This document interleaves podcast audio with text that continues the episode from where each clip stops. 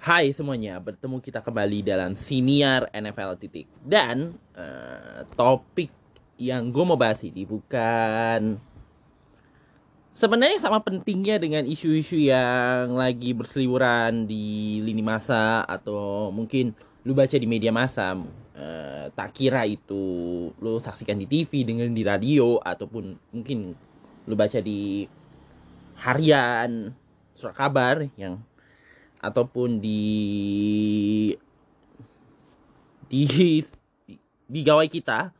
Atau mungkin lu yang masih baca-baca berita sambil ngerjain tugas di monitor. Kadang-kadang juga banyak ya. Nah isu ini sebenarnya sebenarnya juga banyak mendapatkan perhatian juga tapi ya nggak sebanyak seperti kasus-kasus yang lagi viral itu. Ah tak payahlah disebut yang kasus-kasus yang viral itu. Yaitu soal uh, ini juga concern gue sih. Karena kan beberapa kali kan siniar ini juga membahas. Bahkan episode pertama siniar ini membahas uh, pandemi dari sisi masyarakatnya gue pernah membahas pandemi dampak pandemi COVID-19 terhadap pedagang, para Eh, pedagang-pedagang, uh, utamanya pedagang makanan ya. Karena konteksnya waktu itu pol, uh, rahasia terhadap pedagang makanan pada ketika itu. Lalu juga gue bahas soal protokol kesehatan tentang gue cerita soal ada masjid yang ada beberapa masjid yang jamaahnya tuh macam udah nganggap situasinya udah kayak biasa aja. Nggak nggak dalam keadaan pandemi. Kira-kira gitu. Terus ada satu episode yang gue juga membahas soal kelakuan pejabat di era pandemi.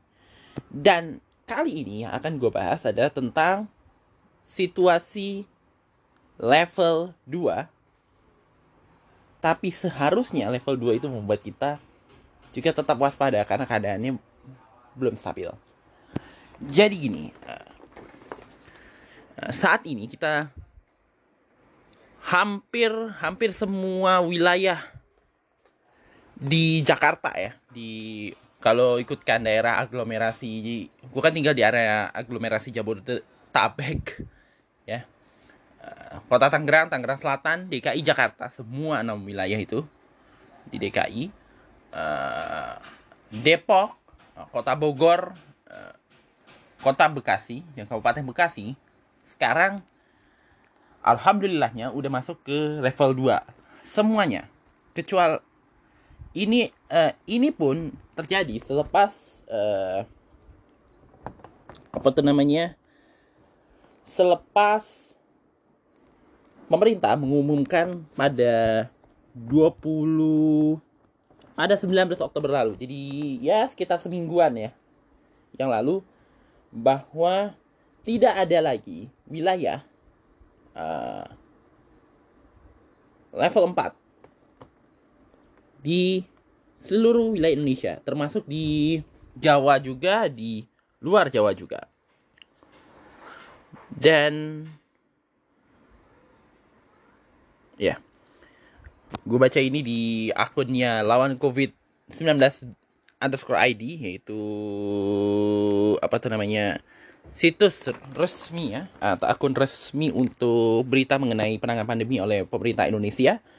Di sini dibaca ada datanya nih yaitu pemberlakuan pembatasan kegiatan masyarakat untuk luar Jawa dan Bali. Ini konteksnya yang gue baca untuk luar Jawa dan Bali dilanjutkan mulai 19 Oktober hingga hingga 18 November 2021. Dan di dari semua wilayah yang luar Jawa Bali ini udah nggak ada lagi daerah level 4. 211 kabupaten kota di level 3, 157 kabupaten kota di level 2 dan 18 kabupaten kota di level 1. Jadi sekarang uh, ada yang udah mulai apa ya, biasanya betul-betul udah kegiatan seperti biasa dengan norma baru, ada yang mulai pembukaan dengan norma menjalankan kehidupan ekonominya seperti biasa dengan norma baru, ada juga yang masih beberapa kegiatan publiknya ditutup. Itu kan level 3 ya. Kira-kira gitu.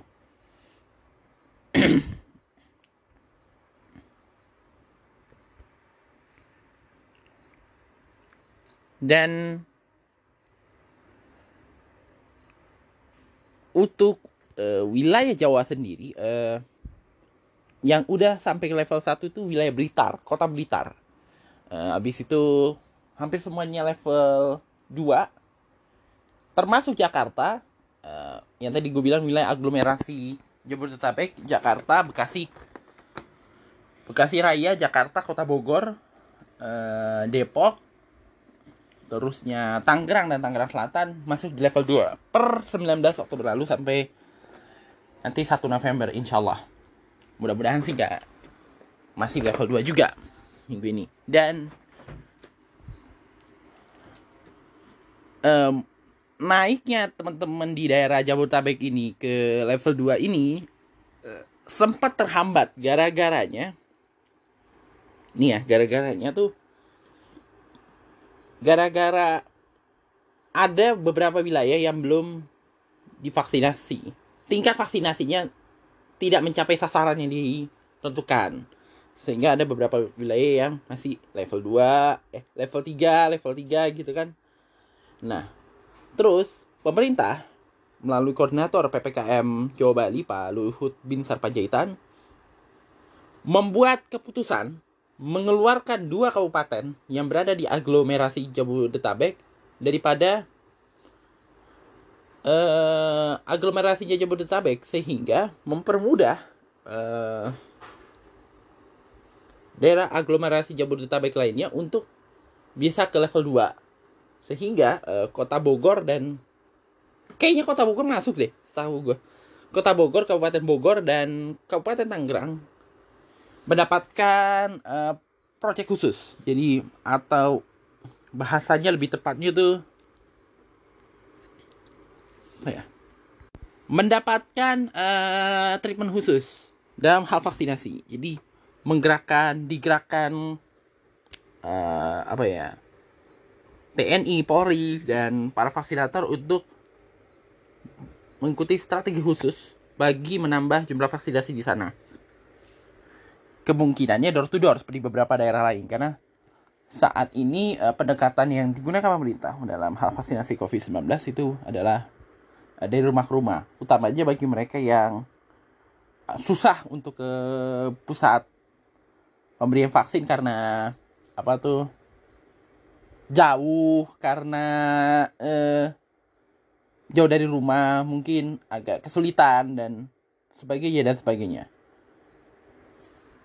Nah, dikarenakan sudah semakin banyak yang divaksinasi dan uh, prosentase uh, orang yang divaksinasi uh, dosis pertama sudah mencapai hampir 50% atau ya setengah lah 50% per hari ini itu.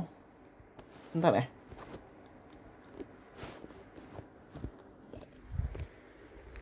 Eh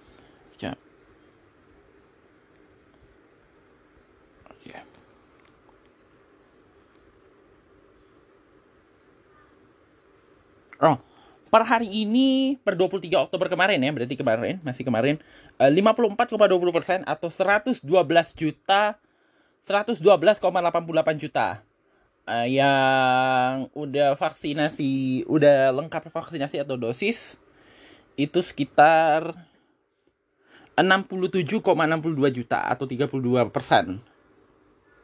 Nah, yang mendapatkan dosis tambahan ini khusus untuk Eh, para tenaga kesehatan ya, para nakes itu 74,99% atau 1,10 juta. Dan memang yang uh, untuk masalah vaksinasi ini kan salah satu yang disoroti adalah dari kalangan lansia. Yang vaksinasinya tuh kalau kita baca dari data ini uh, rendah. Terbilang paling rendah di antara yang lain. Kalau remaja kan baru mulai ya.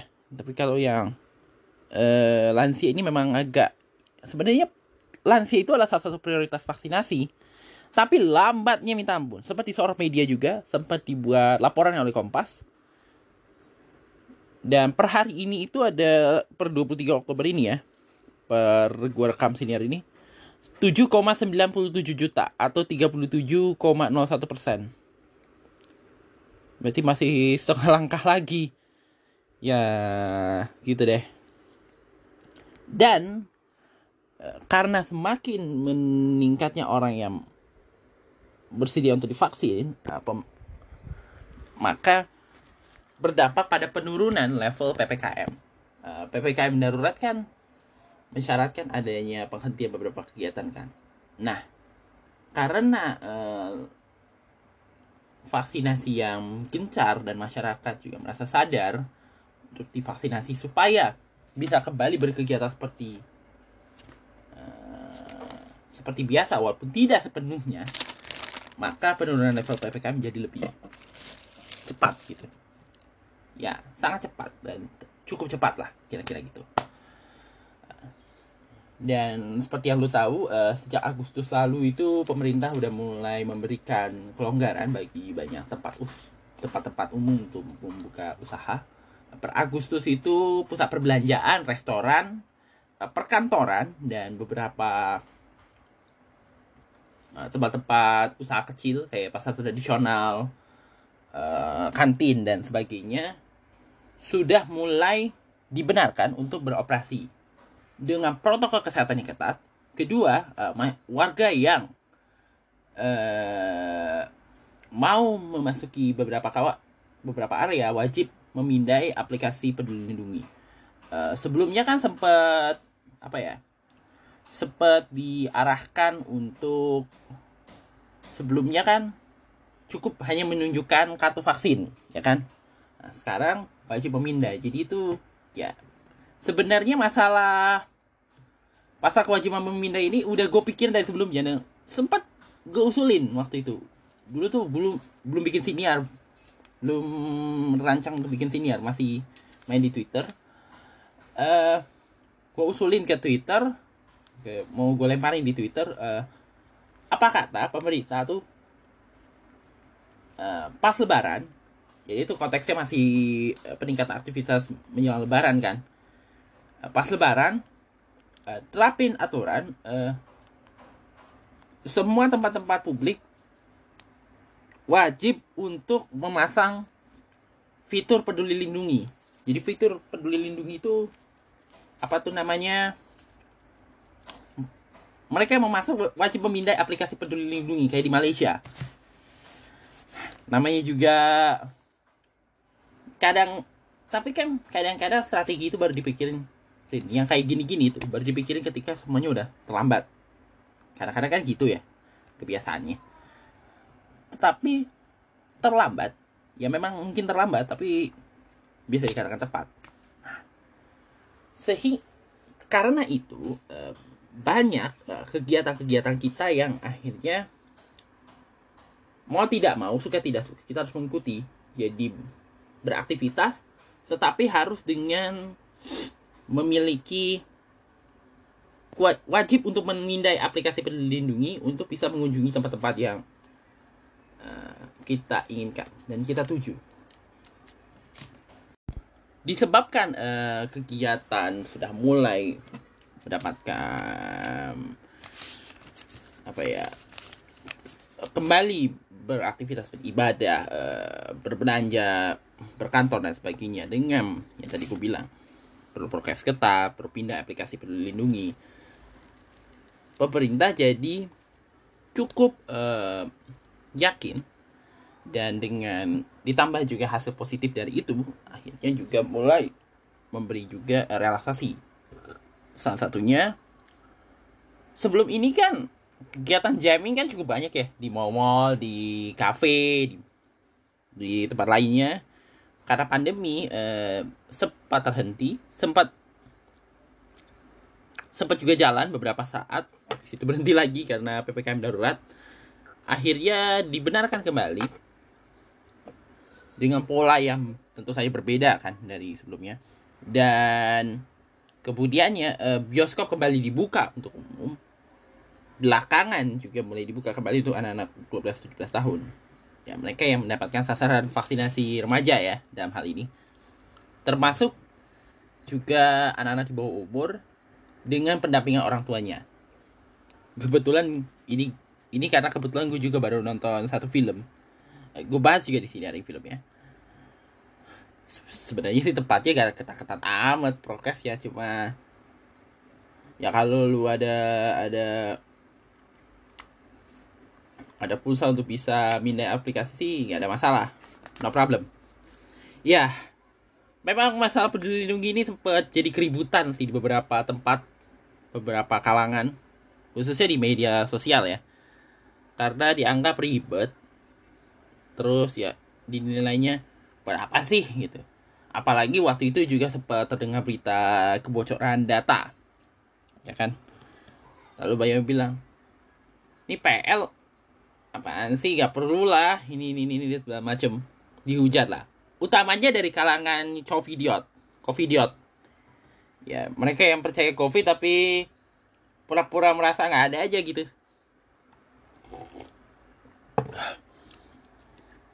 nah.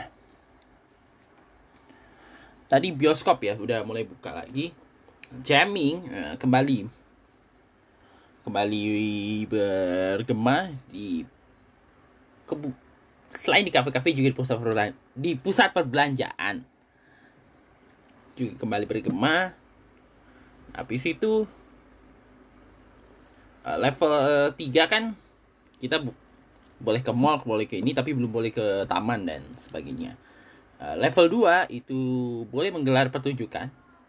Terus boleh ke taman bisa kembali melihat taman mengikuti acara-acara kesenian uh, pameran seni uh, apa ya? Bahasa aja tuh. Ah ke museum dan sebagainya. Level 1 tuh udah gitu aja terutama sekolah. Belakangan juga sekolah sudah mulai dibuka kembali. Walaupun juga ada sempat dengar berita yang tutup karena setiap daerah punya syarat berbeda. Efek otonomi daerah tentunya. Dan banyak lagi. Beberapa uh, beberapa kegiatan dan aktivitas yang mulai kembali uh, bergemas atau kembali berjalan selepas penurunan level ppkm ini. Nah, gue mau ngebahas sedikit nih soal uh, tadi pelonggaran ppkm ini. Uh, jadi kan Eh, setiap kegiatan kita tadi kan gue bilang beberapa kalau kita mau berkegiatan di daerah-daerah yang sudah wajib untuk menggunakan aplikasi peduli lindungi ya mau gak mau suka nggak suka gue kita harus menggunakan aplikasi itu. Mungkin bergantung dengan aplikasi itu. Kalau itu pun kalau wilayahnya itu ada apa ya namanya ada wifi di sekitar area itu. Kalau lu nggak ada tapi tempat itu di kalau nggak ada mau nggak mau lu juga harus nyapin apa ya namanya tuh untuk mengunduh kartu vaksin. Minimal vaksin dua lah kartu vaksin dua. Kartu vaksin dua lu tunjukin ke petugas lu bisa ke beberapa tempat. Gue udah pernah ngelakuin ini beberapa kali sih. Dan buat nah buat yang misalnya punya kuota internet punya apa ya kuota internet dari pulsa dan menggunakan pulsa untuk internet tuh dengan kuota ya pasti lu beruntung. Lu bisa pindah ke mana aja tanpa harus bergantung dengan wifi. Gua gua kan bergantung dengan wifi ya. Males gua pakai kuota. Apa tuh ngabis ngabisin pulsa aja gitu kira-kira ya. Susah tau. Malah jadi susah sendiri dan salah satu kejadiannya ini agak jujur ya ini agak memalukan sih soal ppkm tapi juga gue tahu bahwa ini resiko kalau kita memilih untuk konsekuen. Jadi tuh gue mengunjungi salah satu mall lah di pusat kota Jakarta. Gue gak perlu sebut nama mallnya. Takut ya. Jadi tuh gue masuk ke mall tujuannya mau ngeliat mall itu mau coba-coba aplikasi peduli lindungi itu tadi. Bukan coba-coba ya. Di beberapa tempat berhasil ada beberapa tempat yang gagal. Nah gue coba. Terus gue kan perlu pakai wifi ya untuk bisa pindah itu. Terus gue nyoba lagi nyoba lagi gagal. Tertahan gue di pintu Nah, habis itu gue langsung ke belakang, ke arah pintu utamanya, deket uh, salah satu gedung utama juga di Jakarta. Jadi berhadapan lah. Terus gue pindai, terus tiba-tiba tanya, Mas mau ke mana? Uh, gue kan bingung kan, karena gue kan orangnya alur ngidul aja gitu, nggak ada tujuan pasti gitu. Oh, kalau mau ke situ ya harusnya ke sana mas. Oh yaudah, akhirnya dibelokin, lah, dilempar lah ke sana. Mas mau ke mana? Mau ke sana pak ke ya ini. Tapi lewat mis tapi tadi gak nyambung wifi-nya. Gitu. Sikat cerita akhirnya bisa masuk. Ada lagi datanya. Nah, pas mau masuk ke tempat itu ditahan gue sama yang di depan sana yang tempat gue sebelumnya. Terus eh, coba saya lihat dulu ininya. Ini ini tapi karena mungkin dia merasa takut ya gue berbohong ya. Mas coba kita ke sana lagi gue tetap tetap keke mau masuk kan dalam hati kan. Terus karena gue ngerasa udah mulai tertekan ya secara psikis gue akhirnya gue keluar akhirnya gue ikutin permintaan dia keluar tapi gue langsung bukan yang memindai malah gue langsung kabur aja. Lucu gak nggak lucu sih sebenarnya. Kalau lu pikir nggak lucu tau belakangan uh, malamnya rupa-rupanya uh, yang pas wifi udah masuk lagi karena gue pakai wifi rumah kan gue masuk radar wifi rumah gue ternyata menyangkut. Akhirnya terpaksa di check out dah. Aduh.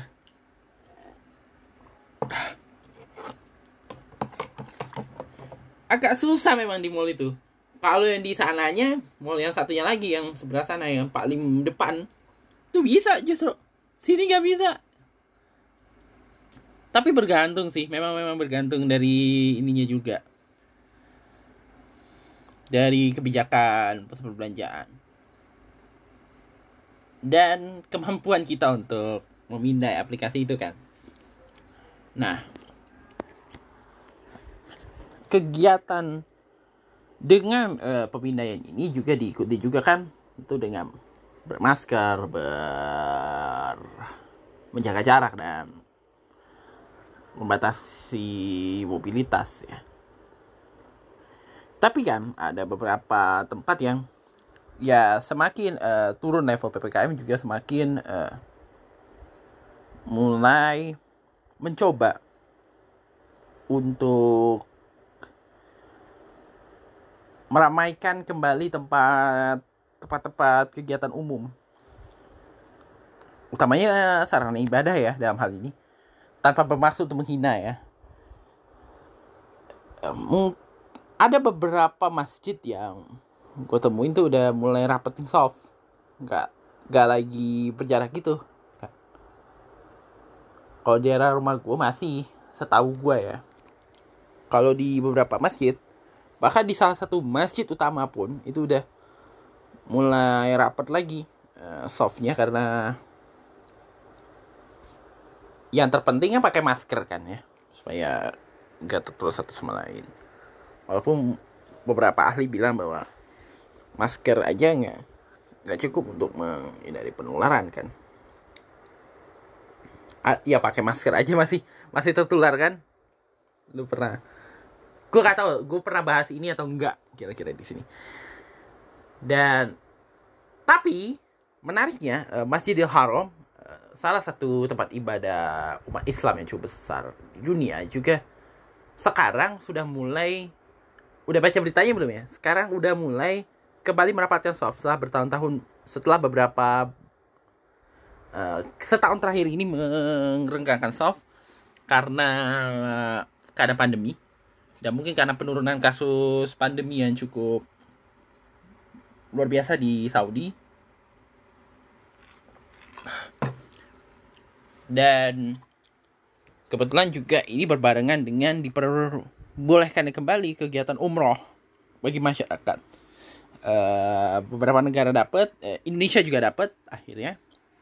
Setelah sedikit diplomasi dengan mensyaratkan semua semua boleh. Kayaknya sih semua jenis vaksin boleh deh setahu gue kecuali untuk beberapa negara uh, mereka yang disuntik dengan vaksin Sinovac mungkin diarah untuk menerima dosis tambahan dosis tambahan atau dosis penggalak dengan merek lain karena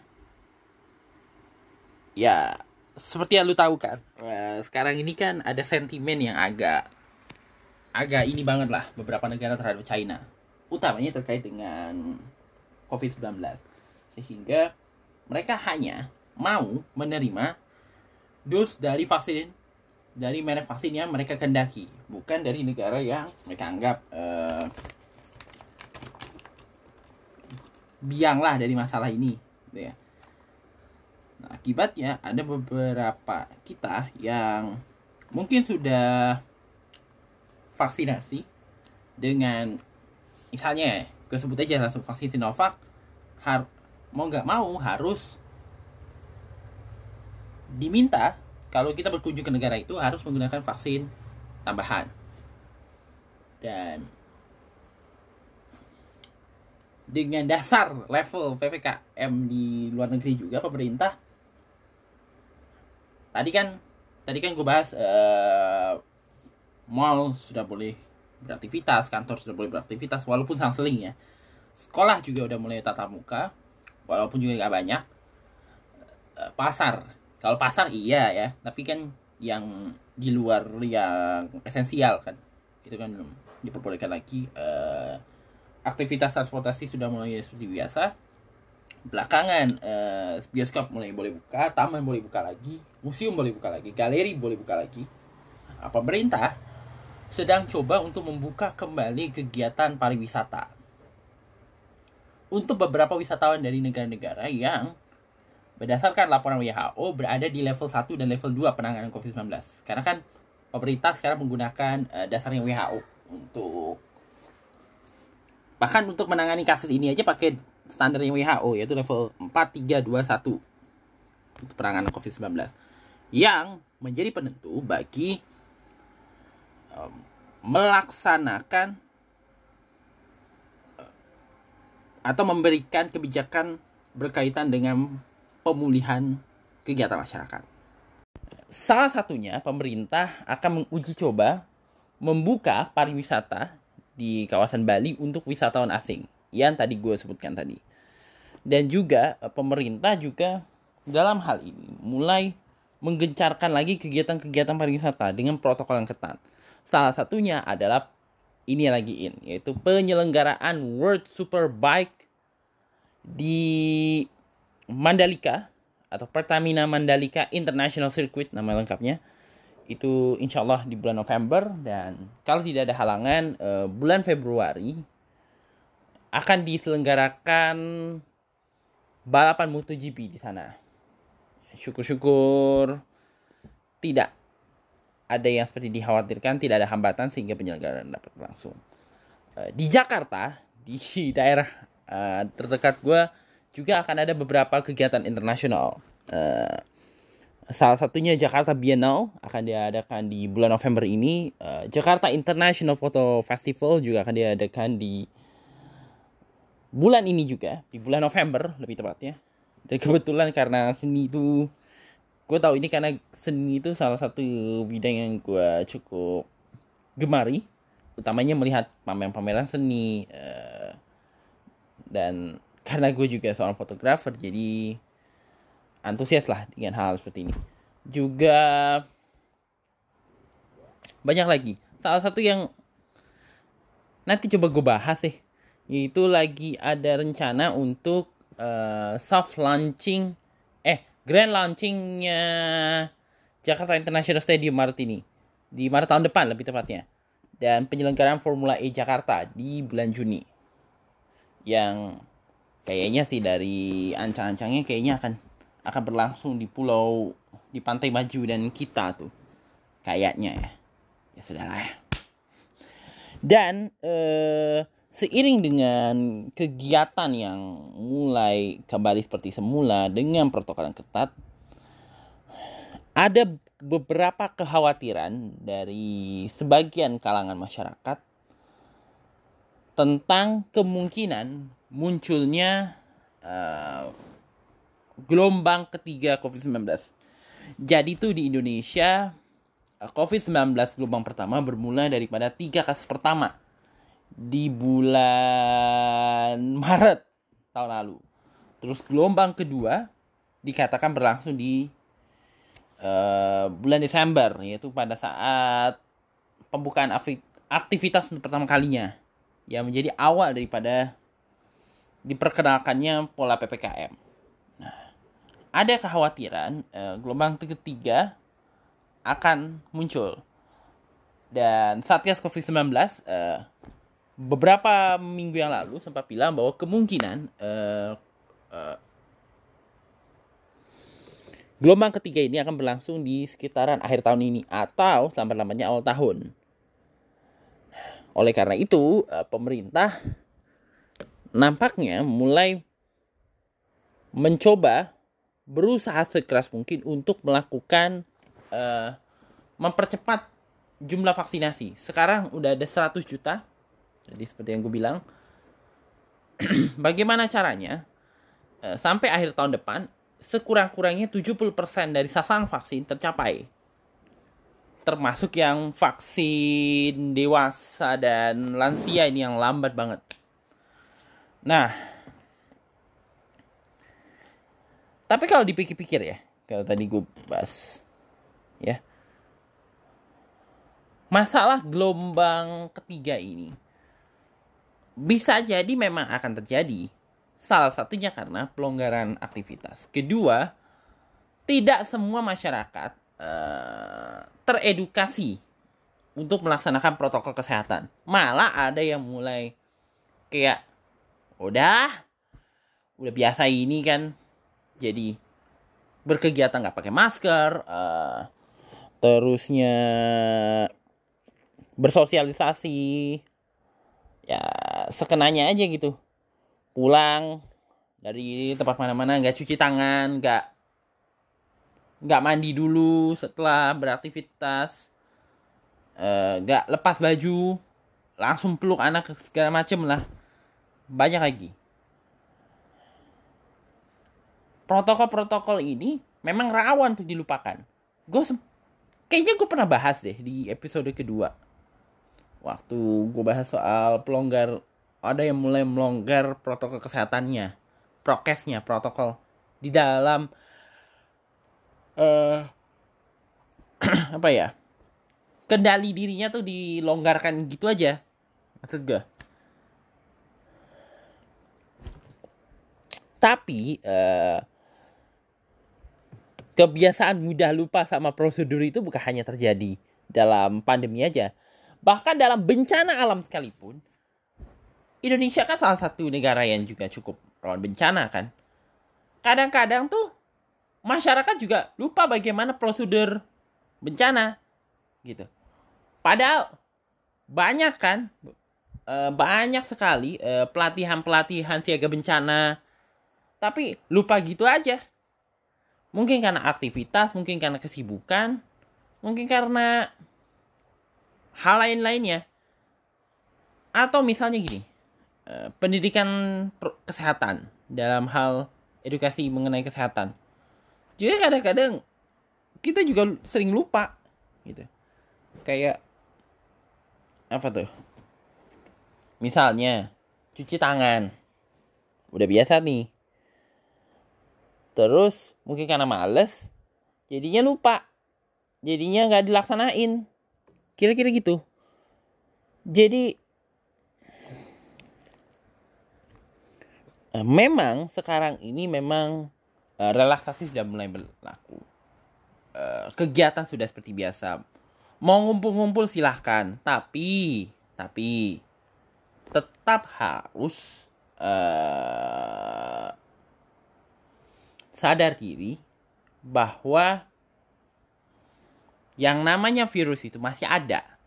nyatanya virus COVID-19 itu masih ada dan dikatakan dia nggak akan hilang gitu aja. Mungkin uh, sila-sila malah menjadi endemik. Ya seperti demam berdarah lah ya.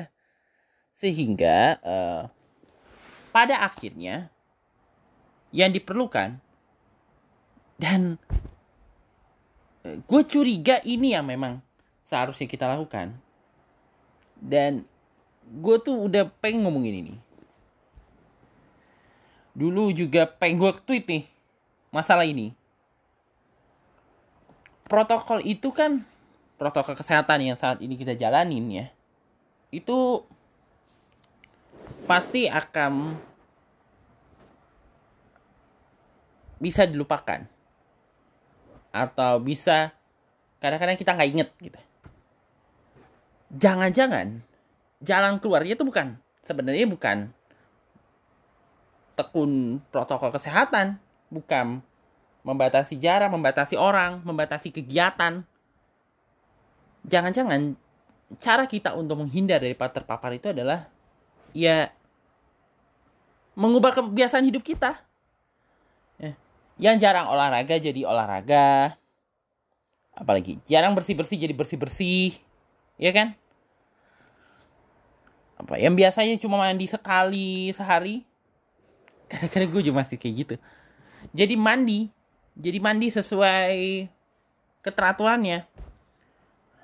Yang suka banget gue semua area rumahnya jadi tertutup ada bikin satu ruangan yang celahnya tuh bisa dibuka. Ada celah terbukanya ada kayak ada ruang untuk angin-angin masuk ke dalam rumah sehingga apa ya bahasanya itu? Sehingga pembiasaan ini membuat kita setidaknya aman. Tentu juga tetap dengan vaksin. Melakukan vaksinasi uh, selalu menerapkan pola hidup bersih dan sehat PHBS itu kan yang sering disampaikan pemerintah kan kadang-kadang. Dan vaksin itu kan uh, walaupun vaksin adalah cara menangani meminimalisir atau membentengi kita daripada ter, daripada mungkin terpapar virus dalam waktu dekat tapi dia bukan jalan keluar karena orang yang divaksin pun mungkin masih bisa kena. Tapi mungkin nggak separah yang tidak meng, tidak divaksin. Kalau lu baca-baca uh, artikel-artikel, gue sering baca artikel tuh dari Malaysia. Uh, kebanyakan kasus-kasus baru yang ditemukan COVID-19-nya, itu ada orang-orang yang tidak melakukan vaksinasi. Karena itu, karena itu, apa-apa gue bahas ini soal vaksinasi biar agak awareness sedikit. Jadi, jangan ragu untuk melakukan vaksinasi. Nah, setelah mengambil vaksin, jangan lupa juga untuk tetap melaksanakan protokol kesehatan yang sudah diumumkan atau sudah ditentukan dan di dan disosialisasikan selama setahun terakhir ini deh. Ya. 5M. Menjaga jarak. Kalau harus memang kena kumpul ya setidaknya jangan terlalu rapat lah. Memakai masker, memakai masker pastilah itu ya. Mencuci tangan, utamanya kalau habis dari luar ya. Pengen makan, pengen beraktivitas, ya kan? Terusnya menghindari kerumunan. Maksudnya menghindari kerumunan tuh kayaknya sih harusnya udah nggak terlalu lah yang ini. Kerumunan yang dimaksud gini maksudnya kerumunan yang nggak bisa dikendaliin kira-kira gitu. Kalau kerumunannya kayak konser kan masih mungkin dikendaliin karena ada sistem tiketing kan. Dan beberapa pembatasan seperti wajib aplikasi peduli lindungi atau mungkin wajib uh, surat vaksin atau wajib RT-PCR test. Dan Nah ini yang penting. Jangan terlalu sering-sering keluar. ini penting sih karena bagaimana kita membentengi diri kita sehingga uh, kehidupan normal ya apa ya dan aktivitas normal seperti biasanya akan yang kita inginkan boleh menjadi kenyataan. Tetap level boleh turun tapi tetap waspada karena penyakit masih ada. Kira-kira gitulah pembahasan kita untuk siniar kali ini. Dan sampai berjumpa kembali di edisi berikutnya daripada siniar NFL titik.